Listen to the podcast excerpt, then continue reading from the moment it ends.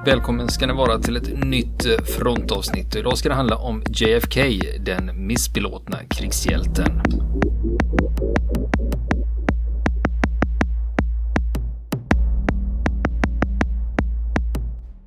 Och här fortsätter vi historien om JFK, den missbelåtne krigshjälten.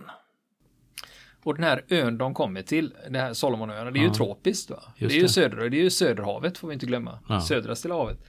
Eh, den här ön de kommer till, den är bara 91 meter tvärs över. Och där finns mm. ingenting. Förutom buskar och fågelspillning. Mm. Den heter egentligen Plum Pudding Island. Men de, när de kliver upp på den, de, börjar, de kallar den för Bird Island. Och det var på grund av all fågelspillning. Och letar man efter den på Google Maps så hittar man den inte under, man kan hitta dem under de namnen, men den heter Casolo Island idag. Och den mm. kallas också idag för Kennedy Island. Mm. Och den finns kvar, 91 meter stor. och när de väl har kommit till Bird Island, då passerar ett japanskt fartyg på nära håll och då blir de lite oroade över det. Men Kennedy han vet ju om att deras egna motortorpedbåtar, de brukar vara ute och patrullera i sundet i närheten. Ja, och det här sundet, mm. ja, när, närhet, det är fem kilometer till det här sundet då. Men Kennedy han bestämmer sig för att ta sig dit till det här sundet och försöka komma i kontakt med amerikanska båtar. Mm. Och då tar han sig dit via småöar och rev så han simmar inte fem kilometer. Nej rakt av utan Nej. han simmar till ett rev upp på det och sen ja, simmar han till nästa ö och så håller han på så. Och till slut så kommer han ut i sund. Så kommer han till det här sundet och då simmar han ut i det här sundet. Den här Ferguson-passagen heter det. Ja. Och där trampar han vatten i en timme. Och håller utkik efter ja. amerikanska båtar. Och om ni har trampat vatten så... Jaha, i en timme då? En timme är ganska, det är ganska, är ganska långt, länge. Ja. Men det har gått en timme utan att något händer och då fattar han att nej, våra båtar är någon annanstans den här natten. Och eh, vänder tillbaka. Men när han ska simma tillbaka, han är ute i det här sundet, ja. då blir det problem. För strömmen drar iväg honom.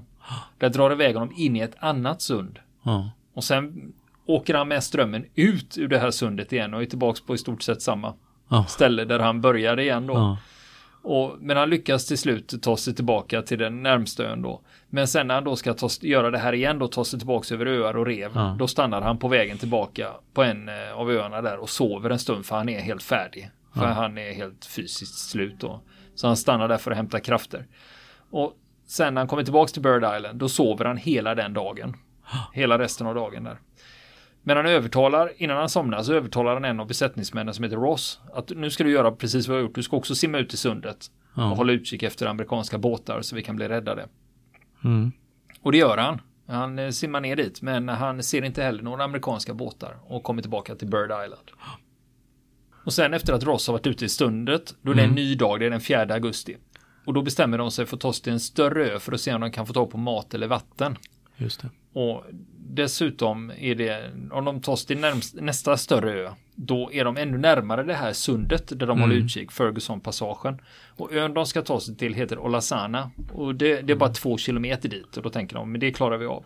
Och det går till på samma sätt som när de tog sig till Bird Island. Mm. Det vill säga att Kennedy boxerar McMahon mellan tänderna och resten av besättningen klamrar sig fast vid en planka och simmar så gott de kan. Mm.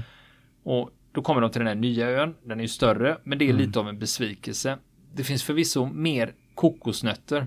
Men flera av männen de blir dåliga av kokosnötterna. Mm. Och den här ön, den är bara 600 meter lång. Men de vågar ändå inte utforska hela ön för de är rädda för att springa på japanska patruller. Och de hittar inget sötvatten heller. Nej. Men de övernattar på den här ön. Men de har problem med att nu upplevde de att det var blött och kallt på natten då. Och Kennedy beslutar under natten att nästa dag ska de ta sig vidare till nästa ö som heter Nauru. Och det är alltså inte den här större befolkade ön, Nauru, mm. som finns i Stilla havet, eh, mm. som det handlar om här. Eh, det är den som är mest känd för att Australien har haft eh, flyktingförläggningar där. Just det. Just det man tog inte flyktingarna i landet utan man satte dem på Nauru mm. och betalade eh, Nauru för att de skulle. Just det. det, var, det blev en industri av det där då. Just det. Utan den här Nauru, de ska till vid Salomonöarna. Den är liten och öde. Och den här gången ska de simma 900 meter bort och när man väl kommer till Nauru, då vet man om det att då har man den ligger precis vid Ferguson-passagen. Så att då har du fri utsikt ut i sundet mm. och då kan du sitta på ön och hålla utkik efter ja. amerikanska båtar. Och då är det de som är bäst lämpade, det vill säga Kennedy och Ross, som simmar dit och rekar då. Och de mm. kommer fram dit vid lunchtiden 5 augusti. Och de smyger omkring på ön Nauru och de är fortfarande rädda för japanska patruller. Mm. Och de hittar ett vrak efter en mindre japansk båt ute på ett rev och på stranden så hittar de en låda med japansk text på. Och så bryter de upp den här lådan och de blir överlyckliga när de upptäcker att den innehåller japanskt godis. Ja. Och längre upp på stranden hittar de en plåtburk med vatten också. Och dessutom hittar de en enmanskanot som är gömd i ett buskak på ön. Mm. Och när de är på stranden på Nauru då får de syn på två män i en kanot ute vid det japanska vraket. Och Kennedy han ser att det är, han ser att det är infödingar. Mm. Men de blir rädda och paddlar iväg. Kennedy börjar ropa och vifta för att försöka få deras uppmärksamhet. Och då blir Ja. de rädda och så paddlar de iväg Ja. från de Trodde det skeppsbrutna. var japaner. Ja, det vet vi inte. Men den natten, då använde Kennedy den upphittade kanoten som de hade hittat i buskaget på ön. Mm. Då, för han paddlar ut i Ferguson-passagen för att spana efter amerikanska båtar. Men det blir inget resultat den här natten heller. Så han får komma tillbaka. Och Kennedy han bestämmer sig för att ta den här kanoten och ta med vattnet och godiset till de andra männen. För de är ju kvar på, en, på den tidigare ön, Mm. Olasana. Och Ross han stannar kvar på Nauru för att vila till nästa dag.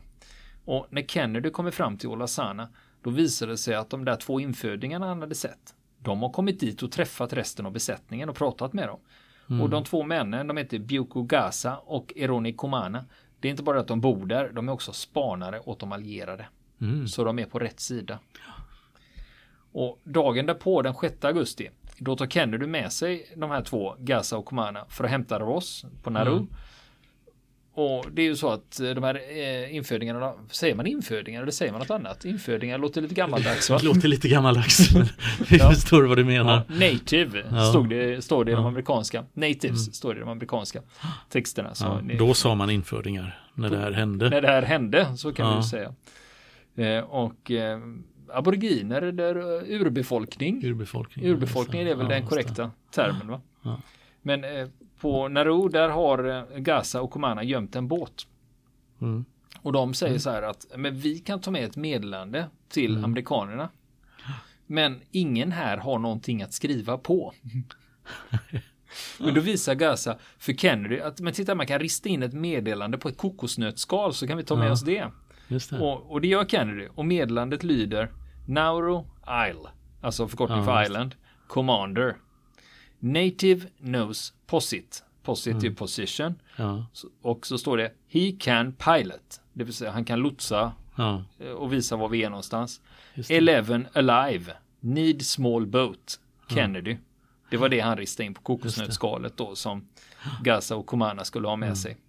Och Gaza och Komana de ger sig iväg med det här meddelandet. Men Kennedy, han vill ändå ta med sig Ross ut i Ferguson-passagen och spana efter båtar.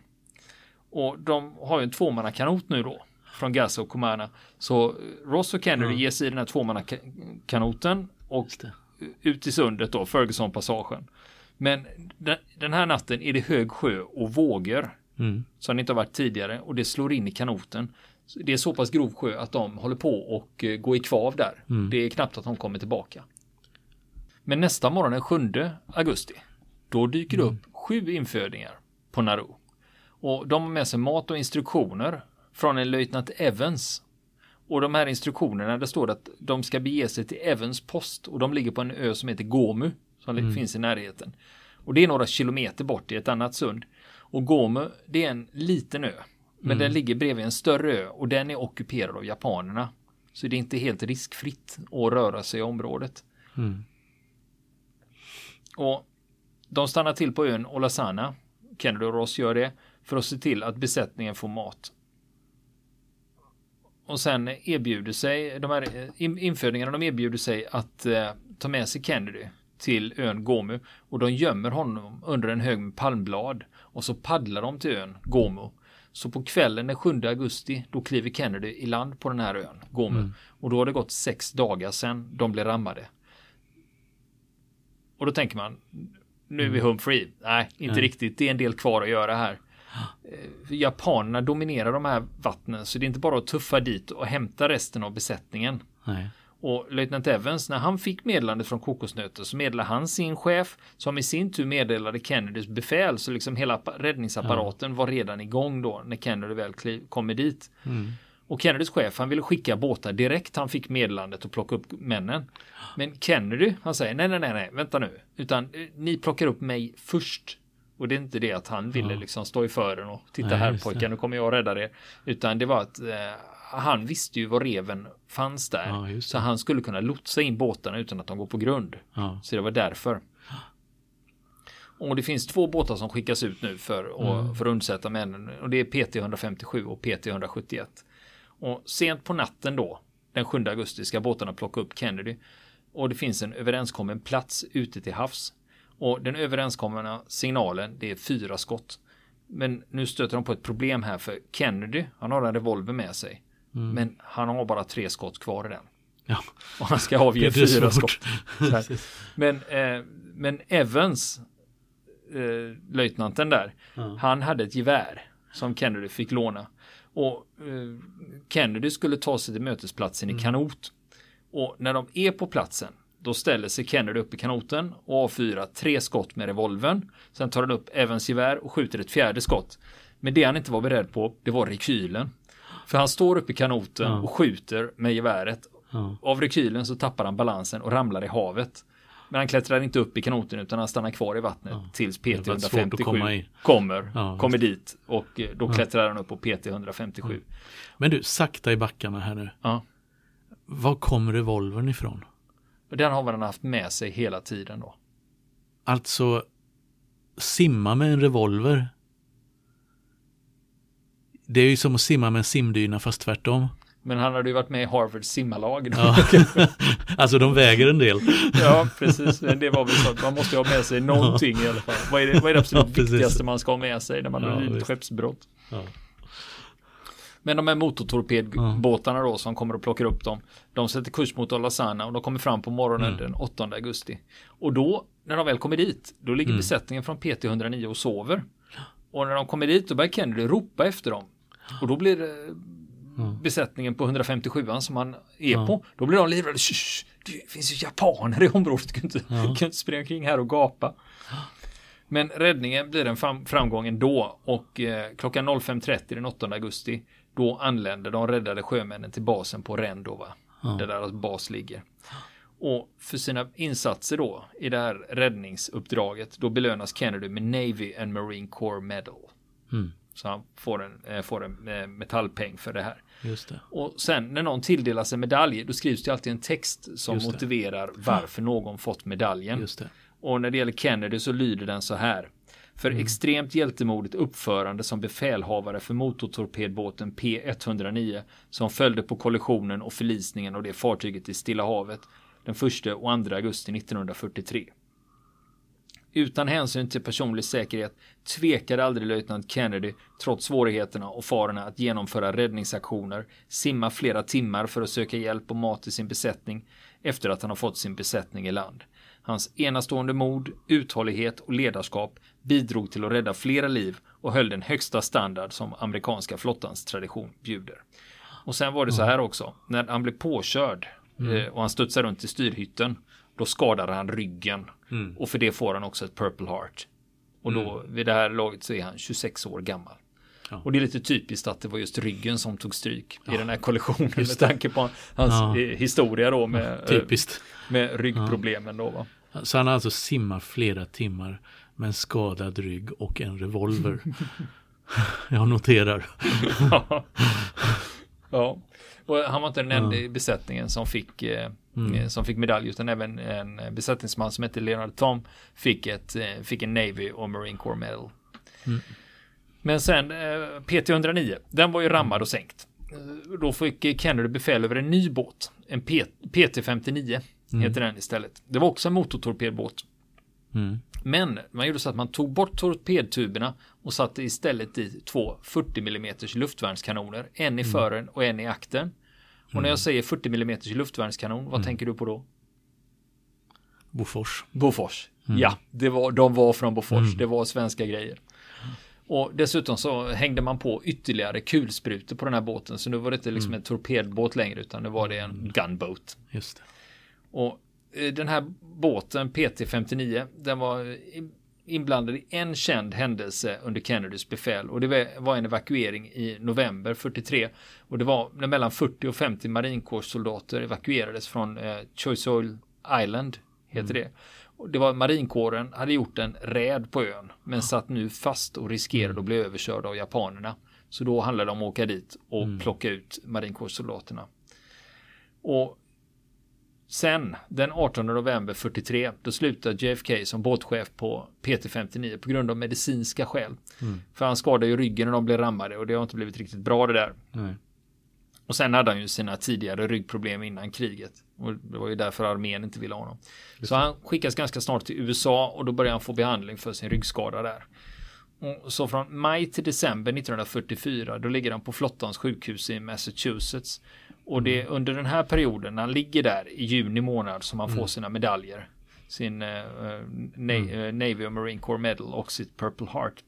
Och det är också här när han är inlagd, han får beskedet att hans storebror Joe har dödats i explosionen. Det är i augusti 1944. Och sen i januari 1945 då skickas mm. han till ett vilohem slash militärsjukhus i Arizona i tre månader. Och i mars 1945 så pensioneras Kennedy från flottans reserv på grund av medicinska skäl. Och det blir då vad de kallar en honorably discharge. Mm. Och han fick behålla sin officersgrad som löjtnant. Mm.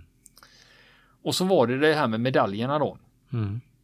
För han fick ju en Navy och Marine Corps Medal. Det fick han för sina insatser efter att PT-109 rammats. Och det var de livräddande insatserna som han fick dem för. Och den här medaljen är inget du får när du har varit i strid. Nej. För den första medaljen som Kennedy var föreslagen för, det var en Silver Star. Och det är för mm. visat mod i strid. Men eh, det, det, blir ingen Silver Star utan han får en Navy och Marine Corps Medal. Mm. Och, och, det är i och för sig den högsta valören när det gäller mod utan strid. Så där går det liksom inte att komma högre. Men i strid går det liksom att klättra ja, uppåt då. Precis. Så 1950 då hör Kennedy av sig till flottan och säger att kan inte ni kolla på det här ärendet igen och ompröva om jag ändå inte är värd en Silver Star för mina insatser? Och flottan svarar nej, men du kan få en Bronze Star. Men då förutsätter vi att du skickar hit din medalj så byter ja. vi dem då. Så då får du en Bronze Star istället för, eh, för din ja. Navy Marine Corps Medal. Men Kennedy säger nej, det är han inte intresserad av. Och sen eh, flera år senare, 1959, då hör flottan av sig igen och säger att du kan få en Bronze Star förutsatt att du växlar in den medaljen du har. Men Kennedy han säger nej, ska jag ha något så är det en Silver Star. Så det blir mm. inget där då. Mm. Men flottan svarar att nej men den medaljen du har fått det är för livräddande insatser utan strid och därför kan du inte få en Silver Star. Mm. Och de här medaljerna, ja. eh, de finns som man kan titta på. De står på John F Kennedy biblioteket och museet i Boston. Så ja. de står utställda där. Och sen Kennedy blir ju president 1961 mm. och då har han en vicepresident, Lyndon B Johnson. Mm. Och han hade ju en Silver Star. Just det. Just och vill ni höra historien om Lyndon B Johnson och hans Silver Star så har vi gjort ett helt frontavsnitt som berättar historien om hur det, om gick, hur till. det gick till. Ja, om hur det gick till när han fick sin Silver Star då. Ja. Det var inte helt klockrent. Nej, det, ju, det, var lite väl mycket politik i det. Ja. Men sen har vi den här 109, eh, PT109. Ja. Den ligger på havets botten mm. i Salomonöarna. Men den här båten PT59. Mm. Den hamnade inte på havets botten. Mm. Och det, det, det här är en liten sorglig historia. För efter kriget så hamnade den i New York och såldes mm. ut från flottan mm. och kom i privat ägo. Och den byggdes om och användes som fritidsbåt. Ja, 54 ton, 23 meter, 4500 mm. hästkrafter och 41 mycket, knop. Det är mycket fritid där. det är mycket fritidsbåt. för pengarna kan ja. jag tänka mig. Och mycket fritid för att hålla den igång också. Ja, precis. Ja. Men det är, det är ett rejält flytetyg. Ja, visst. Men sen har vi ju det här ett, eh, problemet med den här båten. Det var att ja. när den såldes så angavs fel identitet på den. Aha. Man skrev att den här har hetat PT95 mm. I flottans tjänst. Och PT95 det var en båt som faktiskt hade existerat men den hade mm. inte någon intressant historia överhuvudtaget för mm. den hade bara använts för utbildning mm. i USA så den hade aldrig varit iväg på någonting. Nej, just det. Och, men den här verkliga PT95 den hade man huggit upp 1945 mm. för flottan hade ingen användning för den längre. och sen hade då papperna blandats ihop då. Och sen den PT59 den, eh, den byter ägare och byter namn mm. under efterkrigstiden vid några tillfällen. Och sen i slutet av 60-talet då blir det en kortslutning i motorrummet och det börjar ja. brinna på den. Ja. Och då boxerar man den till ett varv och så lyfter man bort överdelen av båten och så lyfter man ut motorerna.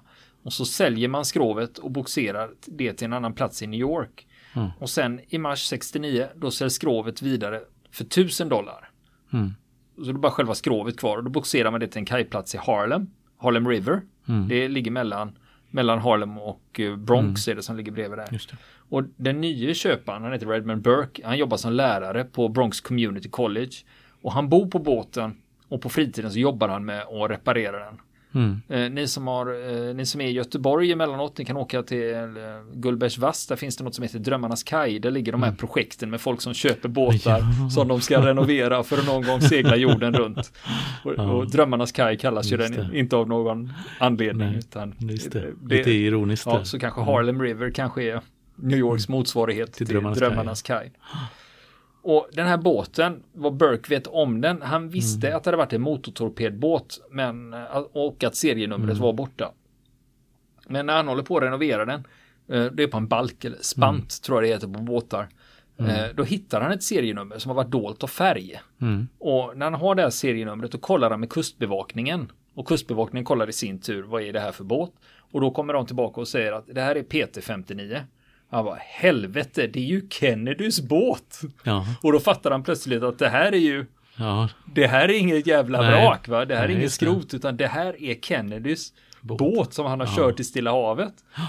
Och när, han upp, och när Burke upptäcker det här, då hör han av sig till Kennedy-biblioteket och Kennedy College och alla institutioner som har något med Kennedy att göra för att kolla om någon vill köpa båten. För plötsligt så har den ju en historia. just det. Och eh, i konstvärlden kallar man ju det för proveniens. Just det. Det vill säga att eh, Just det. Det måste Har ha en det- det spårbar historia, annars just är det det. inte värt något. Va? Och det är exakt det som hände med PT59. Och alla han hör av sig till, ingen är intresserad av att köpa den. Han hör till och med av sig till Ted Kennedy, JFKs lillebror alltså. Ja. Och han säger nej, jag är inte intresserad. Men ett marinmuseum uppe i Massachusetts, Mm. Battleship Cove heter det marinmuseet. Det är aktivt idag. Det finns mängder Mm. med gamla, gamla militärfartyg där. Ja. De är intresserade. Men förutsatt att de får båten som gåva. De vill Ja. inte lägga en dollar för den då. Nej. Men i det här läget så är det en man från Tennessee som hör av sig som heter Aubrey Mayhew. För han har köpt det här skolboklagret i Dallas. Det är alltså den byggnaden Lee Harvey Oswald sköt Ja, ifrån. ja. Han har köpt den byggnaden och tänker göra om det till ett Kennedy-museum. Och, och då Ja. tänker han ju fan Kennedys båt hade varit intressant i sammanhanget. Så han säger så här att du får 5000 dollar för skrovet. Och Burke bara, Deal. "Ka- kaching. Ja, just. Det är ju, ja, ty- ja men det, det kör vi då. Så Burke skickar över en handpenning på 1000 dollar. Men och sen skickar han över en check då på slutbetalningen då på 4000 dollar. Fast den här checken saknar täckning. Ja. Så affären går aldrig igenom utan Burke står där med en handpenning på 1000 dollar och ett jävla vrak i Harlem Ja. River. Och, och Burke han tappar sugen nu och liksom Ja. det här kommer aldrig att hända någonting. Och båten blir liggande i Harlem River och förfaller Mm. bara mer och mer och mer. Och sen 1976 då utbryter en brand ombord och sen sjunker den ner i leran där. Ja. Men Jaha. historien är inte slut. Nej. Den senaste nyheten av den här båten, den är från maj 2017. Det är alltså färska grejer. Det är en författare som heter William Doyle. Han har skrivit biografier om Kennedy. Han är övertygad om att det här vraket ligger kvar på botten på Harlem Mm. River. Och han har varit där och tagit ett träprov i våras då. Mm. Eh, och, och då var det bland annat från trädelar som stack upp i vattnet där. Och där tog han träprover och han fick bekräftat att träprovet det är gran, alltså samma Ja. material som PT59 var byggd av. Mm. Nu be- bevisar ju inte det nödvändigtvis att det Det är exakt är, samma den här, Nej, men, visst. men tron kan ju försätta ändå. berg. Va? Ja, det precis. minns ju historien om Vasas bärgning. Va? Just det. Och, och det som läget är just nu är att han letar finansiärer för att kunna bärga vrakdelarna. Mm. Så det är där det är just nu då. Där ser man. Ja. Kanske det finns ett slut ändå. Det kan komma. Jag ska Ja. till New York i november så jag får väl ta Ja. en sväng förbi Harlem River. Det finns uppgifter om exakt var den här ligger. Ja, Så man kan åka dit och se hur det går. Kanske se resten av Kennedys eh, PT59. just det. Men jag kan ju bara ta ett kort på vad fan som helst som sticker upp i vattnet och säga Ja, att säga att här är. Kennedys båt. ja, men blir den bärgad så får vi alla anledning att återkomma. Absolut. Vill ni komma i kontakt med oss så kan ni göra det via vår Facebook-sida som heter Fronten. Det är inga problem för er att leta er fram där. Eller också så mejlar ni på vår mejladress och det är frontenpodcast@gmail.com.